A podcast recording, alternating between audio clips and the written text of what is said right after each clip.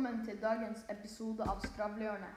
Jeg heter Andreas fra 6B, og med meg har jeg han Henrik fra 6A, han Benjamin fra 7. klasse og han Herman fra 7. klasse. I dag skal vi prate om Ukraina og Russland. Og gutta, hvorfor starta Russland å invadere Ukraina? Det var fordi tilbake i verdenskrig 2, da var Ukraina en del av eh, Russland som var i verdenskrig 2, Sovjetunionen. Og helt til nå så ble jo Ukraina et eget land.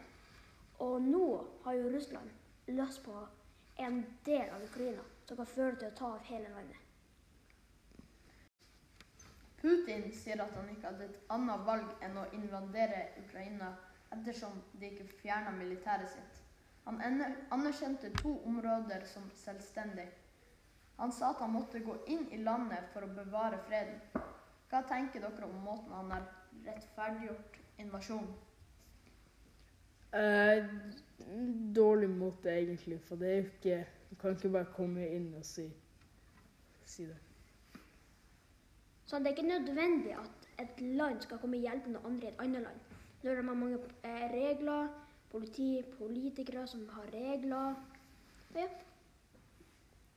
Ja, eh, Måten å har gått inn i Russland, nei, Ukraina er ikke så bra.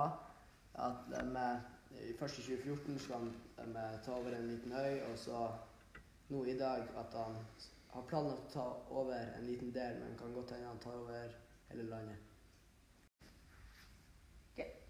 Hva vil Russland oppnå? Eh, de vil nok oppnå å få eh, Ukraina tilbake som de hadde i verden, andre verdenskrig. Og de vil oppnå å få større plass. Og, og hvis de tar over hele Ukraina, så skjer det at det blir vel 195 land i verden. Eh, De vil også oppnå da, å få eh, en liten del, den lille delen tilbake. Så de, de har egentlig gått inn for å ta hovedstaden eh, med, og så ta det videre derifra. da. Så ja. De, de vil egentlig ha en liten del av Ukraina. Hvorfor vil de ha en liten del? Fordi de, de mener at den delen Der bor det masse russiske folk som også mener at de burde være eh, med russisk, men de bor i Ukraina. Så med, der vil de at de eh, Han vil ha den delen på en måte til Russland. Han vil nødvendigvis ikke ha hele landet. Hva har egentlig skjedd nå i Ukraina? Eh, Eh, det har skjedd bombing, det har skjedd angrep. De har bomba hovedstaden, som er ikke bra. Og de har angrepet veldig mange. Og, de er sn og jeg tenker om noen dager så er kanskje Ukraina russisk. Men jeg kan, men jeg kan si at de, de har tatt over en flyplass midt i hovedstaden, sånn at de får sendt inn ressurser med fly. Masse ressurser med fly, militærressurser med fly, kan jeg si. Inn midt i hovedstaden. så Russland kan bare komme med fly og fly rett inn Ja, Ukraina? de, de har tatt over en Altså, du har hovedstaden. Så inni midt i hovedstaden så er det en liten flyplass de har tatt over.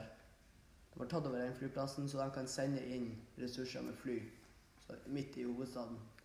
Så Russland kan bare komme inn med fly over det landet uten at noen føker inn i selen, sier sikkert det. det. Eller at de blir mistenk mistenksomme og bare De kan komme inn med soldater, Ja, våpen, komme bomber, alt sånt.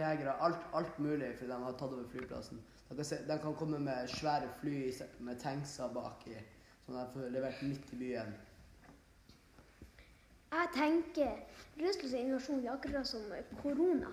For det starter en liten plass, så sprer det seg over og over. Ja. Mhm, godt. Hva vil skje framover? Så Russland vil jo egentlig ta over Ukraina, men jeg tror det kommer til å ta noen dager. Jeg tror det at eh, de eh, blir ta en liten del, og så sikkert vente litt, og så ta mer, og så ta mer, og så til slutt, når de sikkert har over en halv uke der inne, så går de på en stor del. Mest sannsynlig. Ja, um, det som vil mest sannsynlig vil skje da, er jo at eh, de, de sender inn masse inn på denne flyplassen ute i byen, sender inn masse ressurser. For dem som får de tatt over hovedstaden, og så kan de ta den lille delen som Eller vi skal prøve å ta den lille delen som de egentlig vil ha. Som eh, Ja. Hvorfor hjelper ikke Nato Ukraina? Det er fordi Ukraina kan ikke være med i Nato, og de er ikke med i Nato heller. Det er fordi for et land skal være med i Nato, må de ikke være i konflikt med noen land. Og Russland prøver å være i konflikt med Ukraina, så ikke Ukraina blir med i Nato. Fordi hvis Ukraina blir med i Nato, da blir Russland redd. Fordi Putin er redd Nato. Um, ja, Nato er, altså Som Henrik sier, at Ukraina er ikke en medlem av Nato, men Nato er fortsatt klar til eh, hva som kan skje, så de har med soldater og masse utstyr klart i f.eks. Estland, Latvia, Litauen De, de, de, har en sånn grense til Russland. Eh, fordi nå som Russland prøver å invadere Ukraina, så kommer det kanskje Nato til å straffe Russland økonomisk. Det er f.eks. at Norge ikke kjøper gass fra Russland. Russland kan ikke kjøpe noe fra andre land.